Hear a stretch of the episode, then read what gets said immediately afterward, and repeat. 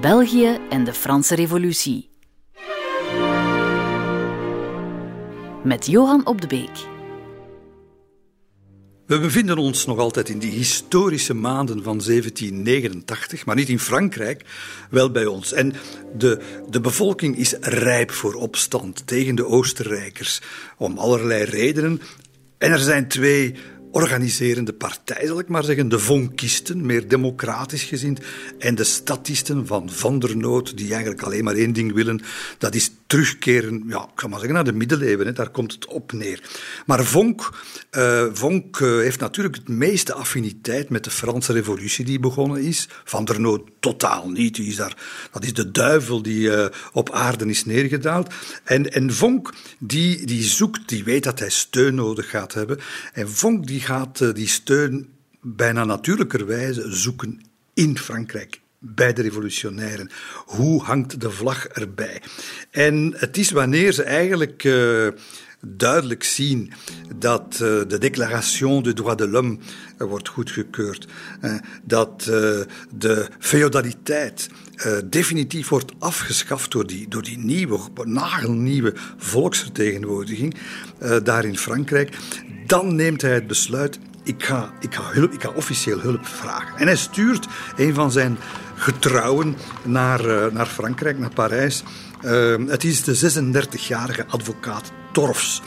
Uh, elke Belg, elke Vlaming die in Parijs aangeland, die is altijd onder de indruk hè, van uh, dat grote van de lichtstad en, en de mooie gebouwen en de verheven maniertjes en zo. En die Torfs, je kunt al denken, die komt van onder de kerktoren, die komt daar aan in, uh, in uh, hij komt eigenlijk eerst in Versailles en dan in Parijs en, en, en hij moet daar gaan polsen en, en hopen natuurlijk dat hij wat overtuiging, overtuigingskracht in de, in de kan leggen om de Fransen ja, het is toch eigenlijk een krankzinnig naïef idee om de Fransen ertoe te bewegen om die Belgische opstand, die nog niet eens begonnen is, om die al op voorhand te steunen. Ja, ja hij krijgt applaus waar hij opdaagt. Hij, uh, de verzekering van de morele steun van de Fransen. Ja, het is allemaal fantastisch, maar, maar uh, harde toezeggingen helemaal niet. Integendeel, op een bepaald moment, op een bepaald moment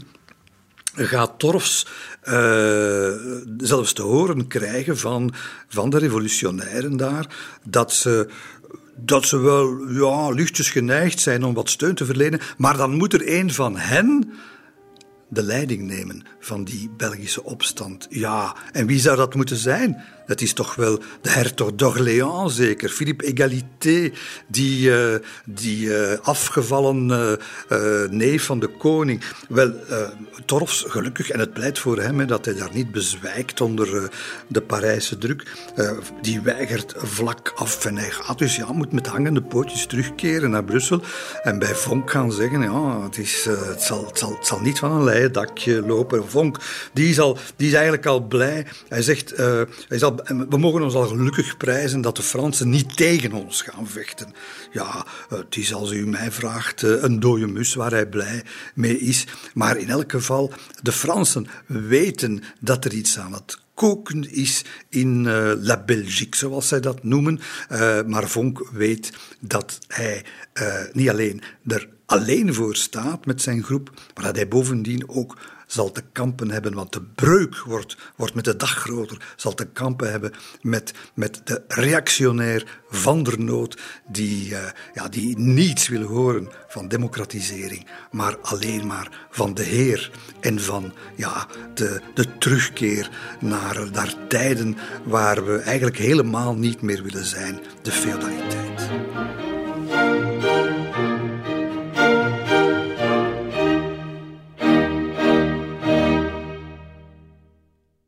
Maar hoe zit het ondertussen met uh, de eigenlijke bewindvoerders, uh, de Oostenrijkers? Jozef II met zijn verlicht denken, maar ook despotisch denken. Hij luistert naar niemand, communiceert niet, legt niet uit waarom hij hervormt, maar weet wel dat uh, er een veenbrandje onder zijn voeten bezig is daar in, in zijn provincies, Belgische provincies.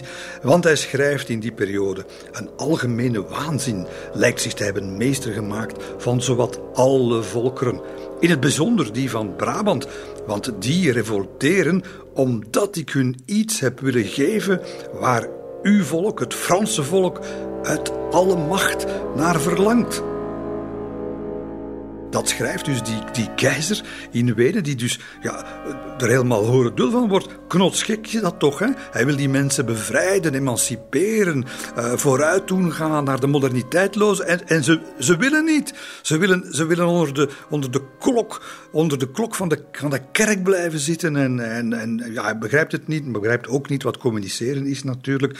Uh, maar wat wel in elk geval werkt en goed werkt, dat is zijn geheime politie in Brussel, Antwerpen en zo verder, die, uh, die hebben hun, hun, oren goed te luisteren gelegd hoor. Die weten wat er gaat gebeuren, die voorspellen hem er komt, er is iets op til, zelfs een gewapende opstand. Ze kennen zelfs een heel aantal namen, onder meer die van Vonk. En ze weten ook dat er een legerleider is uh, generaal van der Meers. En die is met een algemene mobilisatie bezig. Troepen worden verzameld in het Luikse. En het Luikse, dat is niet alleen Luik, hè. dat is ook uh, dat is, uh, Borgloon, Sint-Truiden, Hamond en Achel en, en Hasselt en zo verder. Dat, dat, zijn, dat zijn serieus wat, wat steden en streken. En die mensen, dat gaat om duizenden, ondertussen toch wel duizenden jonge mannen die zich bij dat leger van Van der Meers aan het aansluiten zijn, die weinig politiek bewustzijn hebben hoor. Het verschil tussen een vonk en een van der Noot, dat kennen ze niet. Maar het verschil tussen België en Oostenrijk, dat kennen ze wel. En daar willen ze voor vechten. En dan heb je nog ja, andere figuren. Hè. Het, kan, het kan in een klein hoekje zitten. Bijvoorbeeld bij de familie Durcel. Hè. Gravin Durcel, die, uh, die schenkt kanonnen. Die schenkt de kanonnen die, die hun familiekasteel bewaken. Ja, een paar kanonnen. Maar enfin, de symboliek telt. Kloosterabten, die zich ook bezighouden met uh, fondsenwerving. Niet onbelangrijk in die tijd, want als er iemand goed is in het bij elkaar scharrelen van gelden, dan zijn het wel die mensen. Maar er zijn ook bankiers. Bankiers, uh, ja, laten we zeggen, min of meer republikeins gezinde bankiers. We gaan ze trouwens in, in het republikeinse Frankrijk terugvinden als ze moeten gaan lopen later. Walkiers bijvoorbeeld. Die gaat, die gaat uh, geld verzamelen, waarmee ze eigenlijk een deel van de Oostenrijkse garnizoenen gaan omkopen en, en aanzetten tot, uh, tot desertie. Dat soort, dat soort dingen ontstaan een beetje overal. En ook in alle steden. Hè.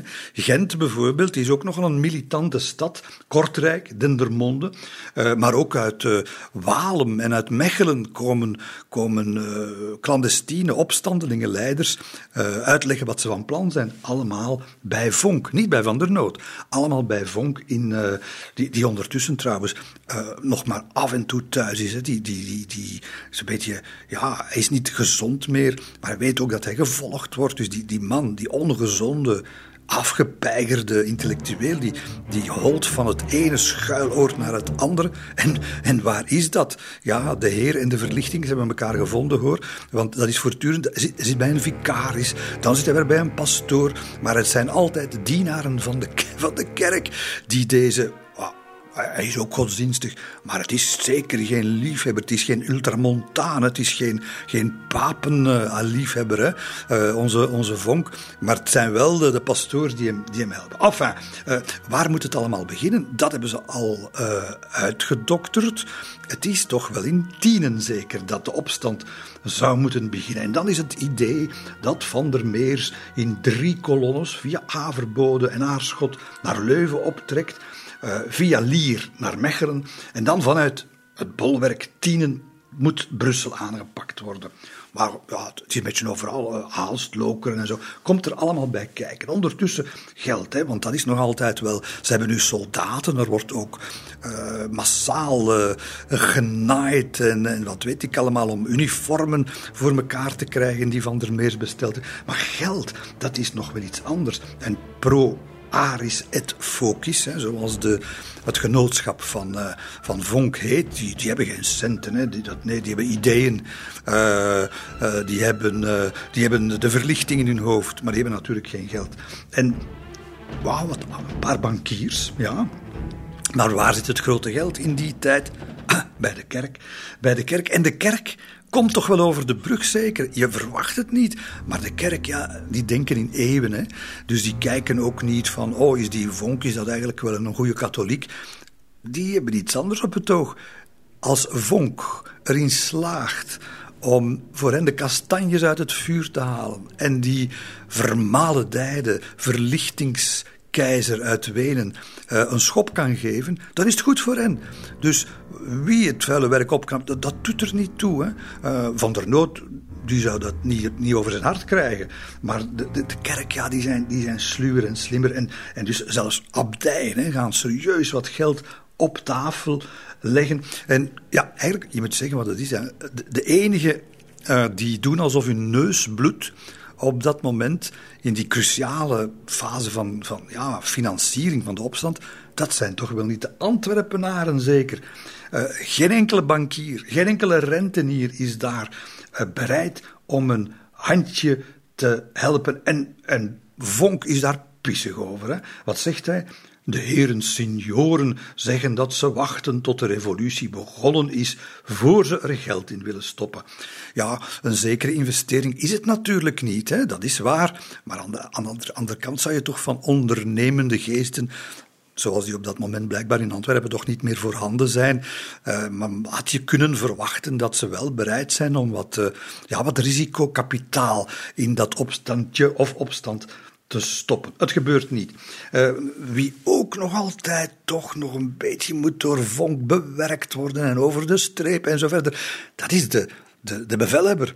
Van der Meers, die eigenlijk op pensioen zat, hè, daar in, eh, in West-Vlaanderen. Maar die, die, die man is 55, die heeft een gezin, die heeft bezittingen. En die weet natuurlijk ook dat dit een, het is een beetje een kamikaze-verhaal. Dat kan heel slecht aflopen. En als het slecht afloopt en hij overleeft het, ja, dan zal het zeker zo zijn dat de Oostenrijkers hem alles gaan afpakken. Hè? Zijn, zijn bezittingen in beslag nemen en, de, de, de hele familie in de armoede duwen. Dus ook die wil weer garanties. Van waar komen de garanties? Von kan ze niet geven hoor. De harde, de harde uh, munten die, uh, die nodig zijn om Van der Meers over de streep te trekken. Uh, nee, nee, de, de, de, harde munten komen weer van de geestelijken. Het zijn de abten van de abdij van Tongerlo en van de Sint-Bernardus-abdij van Hemixem. Die gaan, en ze gaan op papier zetten, ondertekenen. Die gaan Van der Meers, generaal Van der Meers, de schriftelijke verzekering geven dat mocht het slecht aflopen, dat zij uh, de, ja, de, de inbeslagname van al zijn gronden en zijn huizen en zo, dat zij dat gaan vergoeden. Ja, en dan blijft er nu, als dat allemaal gebeurd is, en de dagen volgen elkaar heel snel op natuurlijk, maar er is, er is er eentje die nog altijd moeilijk blijft doen. En die zit in Breda, nota bene. De Brusselaar met, uh, met zijn lieve, Pinot de Bellem. Uh, die zit in Breda, die is gaan lopen. Het is Van der Noot. Want die Van der Noot, die, uh, die, wil, die wil Vonk niet zien als zijn bondgenoot. Hè. Laat staan als zijn, zijn vriend. Nee, nee, Van der Noot die weet waar zijn echte vriend zit. Ja, dat is natuurlijk God. En God gaat het allemaal voor elkaar krijgen. Hè. Uh, hij, hij, schrijft dat ook. Hè. En hij maakt de vergelijking van eeuwen geleden met de, met de Israëlieten. En hij zegt... De slavernij van de Israëlieten in Egypte is duizendmaal minder erg geweest als degene van het vrede, goddeloze Oostenrijk. Dat laat hij als een, als een volgelingen weten. Maar vermits het zo afschuwelijk is wat de goddeloze Oostenrijkers doen, uh, des te zekerder is natuurlijk dat God zelf hen gaat, hen gaat redden. Hè? Door diezelfde God die de Rode Zee heeft gescheiden, zullen nu zeker ook de Belgen geholpen worden. En ons verlossen van dieven, rovers, moordenaars, heiligschenners en godslasteraars, die ons door Jozef als hun meester zijn toegezonden. Dat zijn de heilige boodschappen die onze vriend van der Noot vanuit Breda verkondigt. En ze vinden ook gehoor, bijvoorbeeld bij de Britse ambassadeur, zeg, die daar in Brussel zit naar te kijken. Want die hebben natuurlijk hun spionnen, die lezen alles. En die ligt het Foreign Office, dus buitenlandse zaken in Londen, in. En die verklaart die van der Noot knettergek. Hè? Die zegt, uh, die, die had uh, die kanuniek, zijn rechterhand, Petrus van Eupen, uh, die, die, die Antwerpenaar, die had, die had die tussen de boeren zien lopen, schrijft de Britse ambassadeur, met het kruisbeeld in de hand. En hij weet ook te zeggen dat overal te landen pastoors uh, met, hun, met hun toga wat opgetrokken. Ja, want anders wordt hij vuil in het erf, in de, in de modder van het erf natuurlijk. Van deur tot deur gaan om de, om de boeren persoonlijk niet te vragen, hè, maar op te dragen. Het is hun heilige plicht om met wapens hun geloof te verdedigen. En sommige van die pastoors, meent de ambassadeur te weten, hebben ze trouwens zelfs al wapens onder hun, onder hun kleed.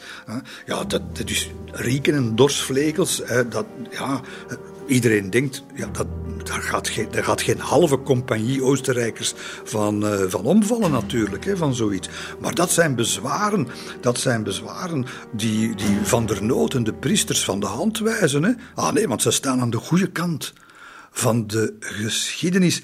Wij hebben niet te twijfelen aan ons aanstaande geluk, roepen dan die priesters, hè, met de blik op oneindig hè, tegen die boeren. De standvastige bescherming van God verzekert ons tegen alle onheil. Onze wapens zullen zegepralen overal waar ze verschijnen onder zijn bestier. Onweerlegbare tekenen van de rechtvaardigheid van onze taak, die al dus door de hemel zelf bevestigd wordt. Dat laat eh, Van der Noot via al die zielenherders en zielenhoeders weten. En ja, weet je, zeggen ze dan tegen die boerenfamilies, die vaders en die moeders. Als er dan eens een keer een boerenzoon niet weerkeert naar de haard vanuit de strijd. Och ja, dat is toch niet zo erg. Hè? Want al wie sterft in deze strijd, wordt er gezegd, staat op papier. Al wie sterft in deze strijd, die zal direct naar de hemel vertrekken. Oh, je kunt al denken, vader en moeder wrijven zich in de handen. Geweldig, onze zoon is dood, maar hij gaat direct naar de hemel. Zou dat zo geweest zijn? Ja, misschien bij een aantal wel hoor, want het, de, de achterlijkheid waar, waarvan die mensen uh, op dat moment blijk geven, die, die, die is verbijsterend. Dat, dat, lees je, dat lees je bijvoorbeeld al die ambassadeurs die zeggen, we weten niet wat we hier zien. En, en dan en ze, en ze, weten al helemaal niet wat die leider, die van der Nood bezielt, nog, zo, nog zoiets wat de Britse ambassadeur in zijn handen krijgt. Uh, weer een van die notas die, die van der Nood uh, schrijft. Je vraagt je af, heeft hij daar zelf nu in geloofd of niet? Uh, maar, maar, bijvoorbeeld dit, hè. hij richt zich vanuit Breda rechtstreeks tot de Heer. Nu deze keer niet tot de boer, maar tot de Heer. Haast u, o Heer, om te verschijnen, want het behoort u toe om ons te steunen om te oordelen en te straffen. Ex orge domine. Voilà. En het hele comité van Breda ondertekent dat. De hele clan. Dus dat, het, is een, het, is een, eh, het is een onthutsende uh, onbekommerdheid hè, over wat er met soldaten gaat gebeuren, met die boerenzonen gaat uh, gebeuren. Dat is allemaal niet belangrijk. Wie met de Heer is, die krijgt alles voor elkaar. En ja, uh, zelfs de Jezuïeten, een Feller bijvoorbeeld, die toch niet kan verdacht worden van enige sympathie voor de vonkisten en al zeker niet voor de Franse revolutie. Maar die Feller die zegt toch ook wel, die schrijft dat, ja, dat uh, zelfs God misschien toch wel uh, een beetje behoefte heeft aan een minimum aan wapentuig.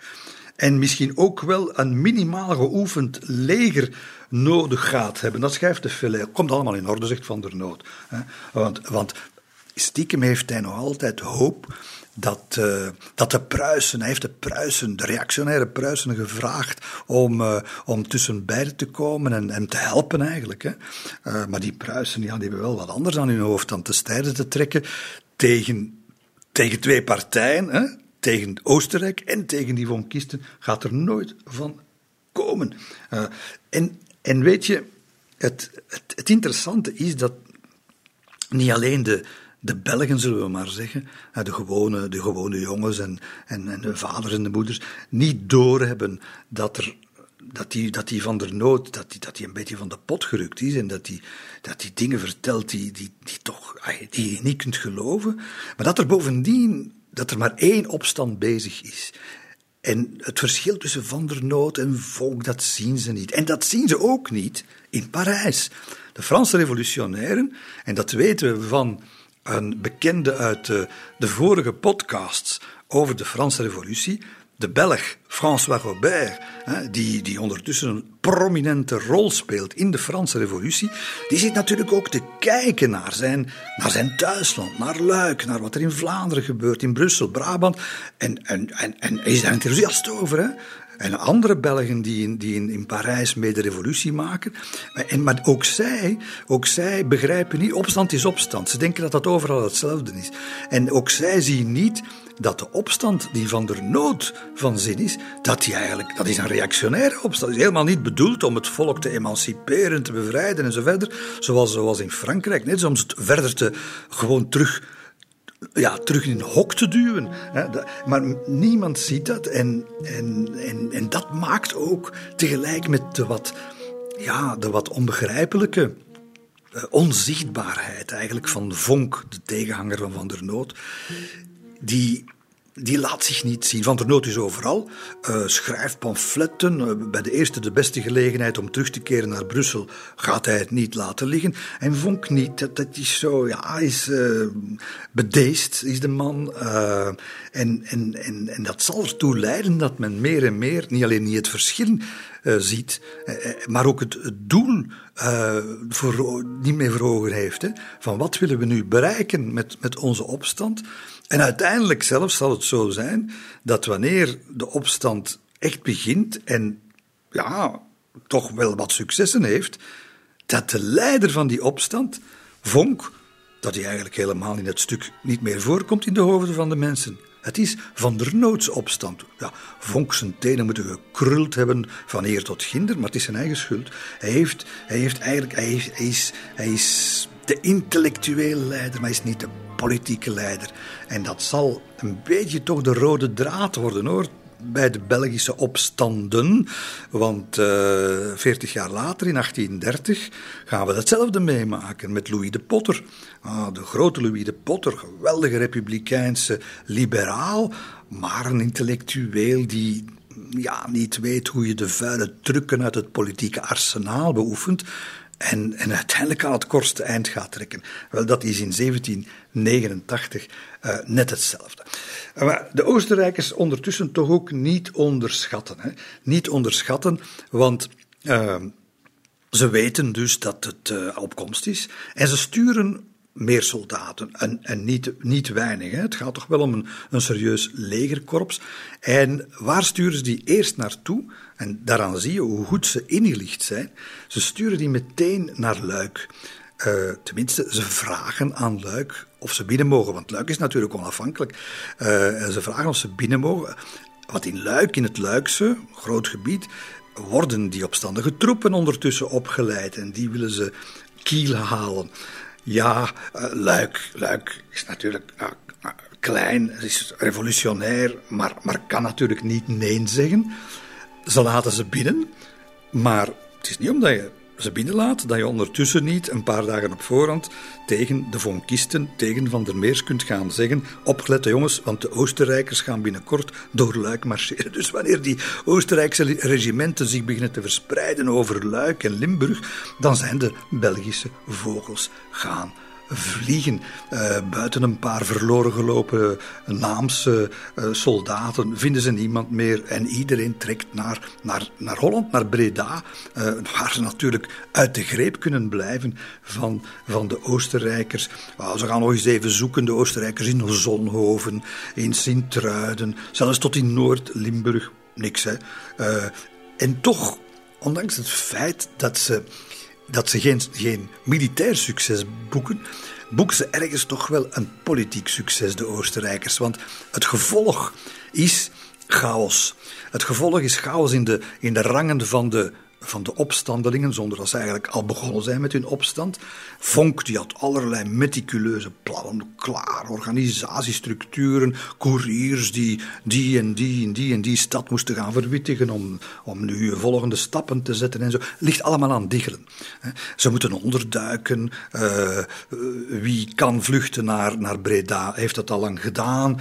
Dus ja, en, en, en Breda, wie zit daar? Niet te vergeten, Van der Noot zit daar. Dus ah, die was eigenlijk een beetje vergeten door iedereen. En ziet nu plotseling daar honderden, duizenden gewapende uh, jonge mannen uh, die ik zei het daar straks al, of het nu Van der Noot is die hen gaat leiden of Vonk, maakt er niet uit. Hè, als ze maar in opstand kunnen komen. En, en, dus tot zijn eigen stomme verbazing wordt Van der Noot daar in één keer ja, ook de, de leider een beetje van, van, die, van die groep revolutionairen. Ja, terwijl hij uh, daar ambities koestert die hem helemaal niet, uh, niet, niet toekomen. Hè. Uh, Vonk daarentegen, die, die, zit, die blijft op zijn post, maar is dus afgesloten van van iedereen, uh, van Breda, van zijn troepen. Uh, zit de ene keer bij vicaris Pinwa in Molenbeek. Dan zit hij bij zijn buurman Delvaux. Want via de tuin kunnen ze... Hè, ze hebben daar een deurtje tussen de twee muren. Dat die Oostenrijkse spion dat niet door hadden, dat begrijp ik niet. Maar eh, uh, s'nachts gaat hij uit zijn bed en dan de tuin in. Deurtje open en gaat hij bij Delvaux slapen. Uh, maar hij voelt wel dat het, het vangnet van de Oostenrijkse politie begint, uh, ja, begint te werken. En, en hij gaat uiteindelijk zelfs bij Spinois in Molenbeek vluchten. Uh, net op tijd trouwens, want wanneer hij dan uh, die nacht onderduikt in Lombeek, opnieuw bij een pastoor, uh, dan hoort hij dat thuis veertig soldaten zijn binnengevallen. En, ook in de pastorie waar de nacht ervoor zat. En die daar alles hebben uh, doorzocht, meubelen aan diggelen geslagen hè, en zo verder en zo verder. Uh, dus die is voortdurend op de vlucht. Hè. Dan, dan zit hij weer in, in Mollem bij Assen. Uh, dan gaat hij weer ergens bij, bij een of andere, ja, bij Doopgemee, de wijnhandelaar, ingenieur Fisco. Met elke dag slaapt hij ergens anders. Die arme man die ondertussen hoest uh, moe is uh, en, en leiding moet geven. Want iedereen die hij nog kan te pakken krijgen vraagt, wat moeten we doen? En uiteindelijk, ja, uh, het net sluit zich. want er zijn in elke revolutie, in elke bezetting, in elke onderdrukking zijn er helden, maar er zijn ook Judassen. En er is natuurlijk ook in Pro Aris et Focis een Judas. Het is een Leuvense wijnhandelaar de ridder heet hij, die gaat alles verklappen. Die gaat voor een flinke beloning, gaat hij eigenlijk een heleboel vonkisten aan de galg praten. Uh, gearresteerd worden ze. En, uh, ja, en, en rest, er, verlooi, torfs, die kunnen nog Brussel ontvluchten, vonk ook. maar de organisatie is nu helemaal licht, licht op zijn rug. en dus, ja, nu is nu, nu, nu, is er maar één mogelijkheid, vermits ze niks meer kunnen plannen en voorzichtig de kat uit de boom kijken. Er is maar één mogelijkheid die nu nog rest. Er is nog maar één man, niet meer Vonk, niet meer Van der Noot, die, ja, die, die dit kan rechttrekken. Dat is generaal Van der Meers. Dat zijn de troepen. En de enige mogelijkheid die nu nog rest om enig succes te behalen en echte opstand te krijgen die, uh, die tot iets gaat leiden, dat is ten aanval.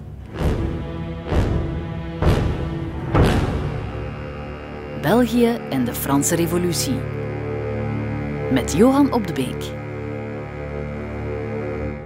Het revolutionaire leger gaat uh, op 24 oktober 1789 het land opnieuw binnenkomen onder leiding van generaal Van der Meers. En het is menens drie dagen marcheren ze tot ze in de buurt van Turnhout ja, gaan botsen op de Oostenrijkers. Deze keer gaan we echt weten of een, ja, een Belgisch opstandelingenleger, slecht bewapend, ook niet echt goed getraind en zo, het kan opnemen tegen dat professionele Oostenrijkse uh, ja, leger. En het, het, wordt een veldslag. Uh, stel u niet voor uh, à la Napoleon, hè, niet 100.000 man aan de ene en, en nog eens 150.000 aan de andere kant. Nee, de Belgen zijn met een goede 2000 En de Oostenrijkers, onder leiding van generaal, generaal Schröder, die eh, zijn met 3500 geoefende en goed bewapende soldaten. Maar die van der Meers, die heeft natuurlijk al menige veldslag in het verleden gewonnen en verloren en, en gestreden en, en zijn bloed vergoten. En die, ja, die is niet van gisteren. En Turnhout biedt volgens hem, want daar zijn we nu, hè, tussen de Turnhout, veel kleiner uiteraard, een dorp hè, dan vandaag. Hè, eh, maar Turnhout biedt de structuur die hij nodig heeft, denkt hij. En wat zegt hij? We gaan niet in open, op open terrein ons wagen en, en een reguliere kleine veldslag, uh, dat, gaan we, dat gaan we niet halen. We blijven in de stad. En hij laat overal wegversperringen oprichten, schietgrachten. En, en vooral, wat heel belangrijk gaat zijn, uh, wanneer ze daar aankomen, de Belgen, het leger, dan, dan zien ze meteen dat de opstand inderdaad bij de bevolking leeft. Want de Brabantse leeuw hangt daar aan het stadhuis. De mensen juichen. En de, de mannelijke bevolking en zo verder, die verklaren zich direct bereid. Ah, ik heb hier nog een dorsvlegel en de ander heeft nog een jachtgeweer. En iemand heeft nog een, een, uh, een, een, een, musket uit de grootvaders tijd. Uh, ja, ja, meedoen, zegt Van der Meers. En dat gaat betekenen dat ze dus niet alleen die, die 2000 soldaten hebben, maar dat ze daarbij, de, de, de, de legersterkte wordt bijna verdubbeld door de burgerbevolking. Dus wat krijgen we? Een, ja, een schijnbaar uitgestorven provinciestadje, waar vanuit zolderraampjes en van achter kerkmuurtjes, van tussen de bosjes, wordt gespied naar het aanmarcherende Oostenrijkse leger. Het witte vaandel met de zwarte adelaar op kop. Generaal Schreuder op zijn ros, die er eens eventjes korte metten mee zal maken. En ze, ja, Schreuder kan niet anders. Hè. Hij ziet geen vijand in, in velden nog wegen. Dus hij, hij meent, ik moet Turnhout innemen. En dat blijkt een serieuze onderschatting te zijn van de tegenstander. Want in die nauwe straatjes van Turnhout worden, ze laten ze eerst binnenkomen. Ze laten ze eerst voldoende honderden hè, Oostenrijkse soldaten tot in het centrum eh, binnenkomen. En dan plotseling barst het los. Al die ramen vliegen open. Potten en stenen, huisstraat. Het vliegt allemaal op de hoofden van die arme Oostenrijkers. Jachtgeweren, knal. Weer een van zijn paard geschoten. Uh, ondertussen van achter de barricades de, de, Belgische soldaten die het ene salvo na het andere afvuren, gaan lopend naar de volgende barricade, want de Oostenrijkers achtervolgen hen. Ja, ja, maar het, het vier uur duurt de slag bij Turnhout. En na vier uur eh, kan Schreuder niet anders dan constateren dat hem niet, niets meer rest dan een, dan een, terug, een terugtocht. Een eerloze terugtocht van het Oostenrijkse leger. Ze nemen de benen, achtervolgd door de kogels van de juichende opstandelingen. Al zijn kanonnen moet hij achterlaten. Dus dit, dit, is, dit is groot nieuws. Hè? Uh, een, een, vrijwilligersleger uh, dat, dat buiten elke verwachting, die Oostenrijkers, klopt. Het was geen reusachtige slag, akkoord. Maar dit is psychologisch zo belangrijk. Vooral omdat het niet de enige keer gaat zijn. In Tienen hetzelfde. Dist, Mons, Bergen, hetzelfde. Opnieuw inwoners die samen met soldaten een cruciale rol gaan spelen in het verslaan van, van, van plaatselijke uh, Oostenrijkse garnizoenen. En, en dus dat, dat, dat is een ongelooflijk verhaal. Uh, dat verhaal zal weerklank, grote weerklank krijgen in de Oostenrijkse Nederlanden en, en ver daarbuiten. En, en het levert natuurlijk, die slag bij Turnhout, levert natuurlijk de opstandelingen, Vonk, Van der Noot en, en Van der Meers, levert dat heel veel prestige op. Maar levert het ook een algemene opstand op. Dat gaat generaal Van der Meers nu zo meteen ondervinden.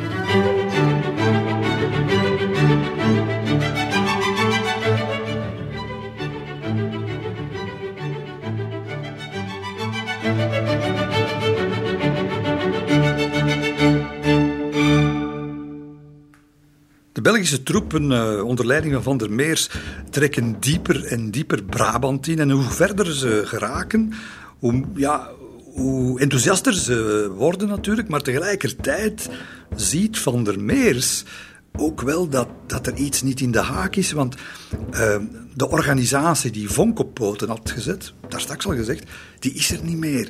Uh, couriers die rondgestuurd worden, die vinden geen aanspreekpunt meer. Uh, mensen zijn ondergedoken. En, en, en het is dus in een complete chaos dat hij terechtkomt. Er is bereidheid tot opstand.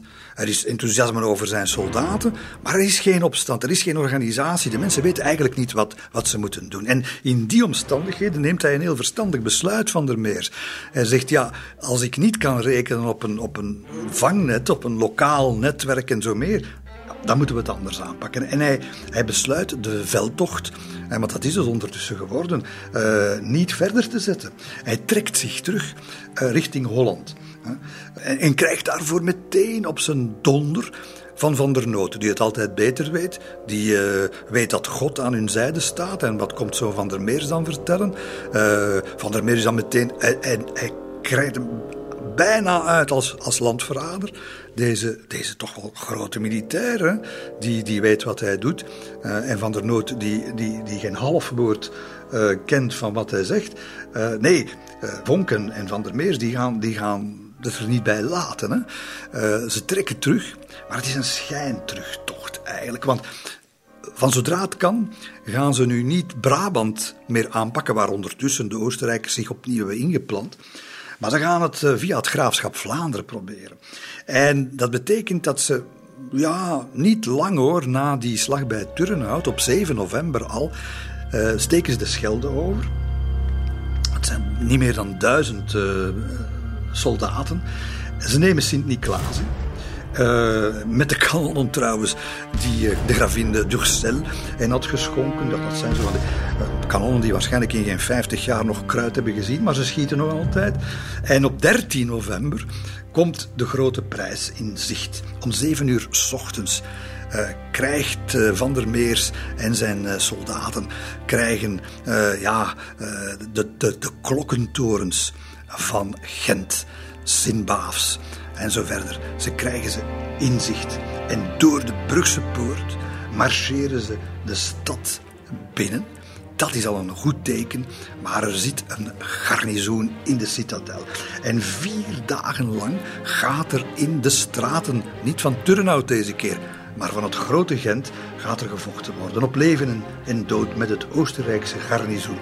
Hele straten, hele straten van Gent zijn toen compleet opgebroken. Eh, barricades opgeworpen. Op hoeken van straten liggen mensen te sterven in hun bloed. De klokken van de grote torens in het centrum van de stad die bijeren onophoudelijk. En er zijn versterkingen op komst. Schreuder, de Oostenrijkse generaal, die is op komst met, uh, met verse troepen. En maar, maar, maar Schreuder, die doet het in zijn broek, hè. Na Turnhout, waar ze dachten met veel Weens bombari even binnen te marcheren en dan, vier uur later, met de staart tussen hun benen zijn moeten gaan lopen. Nu in Gent, zomaar zijn kop in de fuik steken... Oh nee, dat wil die Oostenrijkse generaal geen tweede keer krijgen, zo'n pandoering. En terwijl ze eigenlijk vrij makkelijk hadden kunnen Gent ontzetten, wel, het, gaat niet gebeuren. Hij durft niet. Hè. Hij durft zijn soldaten niet nog eens de straten van een stad insturen. Hè. Maar wie wel komt en wie wel uh, uh, gaat versterken, dat zijn 400 gewapende patriotten uit Kortrijk. Die komen van de Meersen troepen versterken in Gent. Ze hebben kanonnen. Drie kanonnen hebben ze bij, dat is niet veel. Maar uh, het is 16 november in de ochtend dat, uh, dat ze opnieuw een grote aanval inzetten op het Oostenrijkse garnizoen. En het lukt. S'nachts alle Oostenrijkers gaan lopen. Ze evacueren zal ik maar zeggen op een beleefde manier. ze evacueren de citadel. Gent is bevrijd. En dat, dat, dat, dat die grote Vlaamse stad dat, die, uh, dat men erin geslaagd is die uit de klauwen van Oostenrijk te halen. Dat baart opzien in heel, in heel het land, in heel Vlaanderen. Uh, bovendien, Aalst, Dendermonde, net hetzelfde. het overal gebeurt het. Hè. En uh, ondertussen gaat Van der Meers ook weer de Kempen intrekken. Diest wordt veroverd op 24 november. Raakt niet veel verder, dus hij trekt zich nog eventjes terug naar Tienen, ook omdat het geld op geraakt. Kritische situatie, komen onderhandelingen met Oostenrijk, wapenstilstand op 2 december. Uh, de amateurlegerleiders in Breda, van der nood op kop, die zien dat, die begrijpen dat niet. Hè. We hebben jullie geen toestemming gegeven. Ja, maar Van der Meers, die, die weet wat hij doet. Hè. Die koopt tijd. Hè. Door die wapenstilstand, de flater van de Oostenrijkers, door die wapenstilstand kan hij zijn amechtige amateurlegertje een beetje op orde krijgen, de mensen laten rusten, herorganiseren, herbewapenen, geld verzamelen en zo. En, en, en, en hij staat er terug. Uh, Oostenrijkers, dat is wat anders, die worden geplaagd, geteisterd door deserties. En dan, in die toch voor de Belgen zeer gunstige omstandigheden, ofschoon ze dat in Breda nog altijd niet begrepen hebben, valt plots het doek. Op 10 december komt Brussel in opstand. Brussel, de belangrijkste stad, de hoofdprijs. Twee dagen gaan de Oostenrijkers daar nog stand houden, die uh, hoofdstad onder controle houden. Maar er is geen houden aan. Op 12 december wordt Brussel helemaal ingenomen door de opstandelingen. De Belgische provincies hebben zichzelf bevrijd. Dit is wereldnieuws, dit is Europees nieuws. Ze zijn helemaal gek geworden, denken ze in Wenen. Maar Wenen, ja, eh, daar waren ze in paniek. En het is Troutmansdorf. Von Troutmansdorf, de, de Oostenrijkse kanselier, wordt eh, aangeschreven vanuit Brussel door Troutmansdorf. En die zegt eigenlijk, die, die, die meent de conclusie te kennen. Ze, ah, ze zijn het kwijt, hè, de, de Oostenrijkse Nederlanden. En hij zegt, ze willen Frankrijk achterna gaan, zegt hij van Troutmansdorf. Wel, maar dat is natuurlijk een bewijs dat Troutmansdorf de situatie niet helemaal goed begrijpt. Want terwijl de gevechten nog bezig waren, eh, was Vonk eh, de laatste hand aan het leggen aan, aan een, een grondwet. Een, soort Belgische grondwet die we, die we kennen, die we hebben. En daaruit blijkt dat, uh, dat hij helemaal geen Franse republiek of zo voor ogen had hoor. Het was een compromis. Een compromis met Van der Noot, maar ook een compromis met Wenen, want Jozef II mag keizer blijven met veel minder macht. De wetgevende macht zal in Brussel liggen, uh, door een volksvertegenwoordiging, een beetje inderdaad naar een soort nationaal congres, naar analogie met de, met de Assemblée Nationale in Parijs. Zijns kiesrecht, geen algemeen kiesrecht zal dat uh, verkiezen.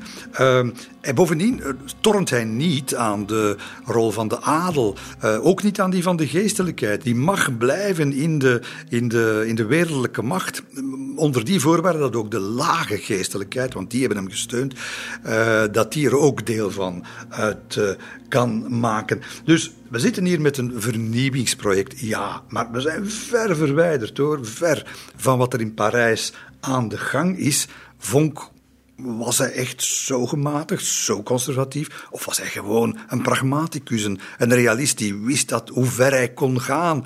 Ik kies voor het laatste. En, want zelfs dat is nu de grote vraag. We zijn in het nieuwe jaar beland. In Frankrijk is de Franse revolutie volop uh, aan de gang, is aan het radicaliseren zelfs. En Vonk en Van der Noot staan met getrokken messen tegenover elkaar. Jozef II die geeft zijn Oostenrijkse Nederlanden nog niet op. Dus de grote vraag is nu natuurlijk: zal Vonk zijn grondwet erdoor krijgen? En zal hij, zal hij inderdaad dat nieuwe land kunnen creëren? Of wordt het iets anders? Dat is nu de inzet van de strijd, van de politieke strijd, die ook een strijd zal worden op de straat, op de straten van Brussel, van Gent, van Antwerpen.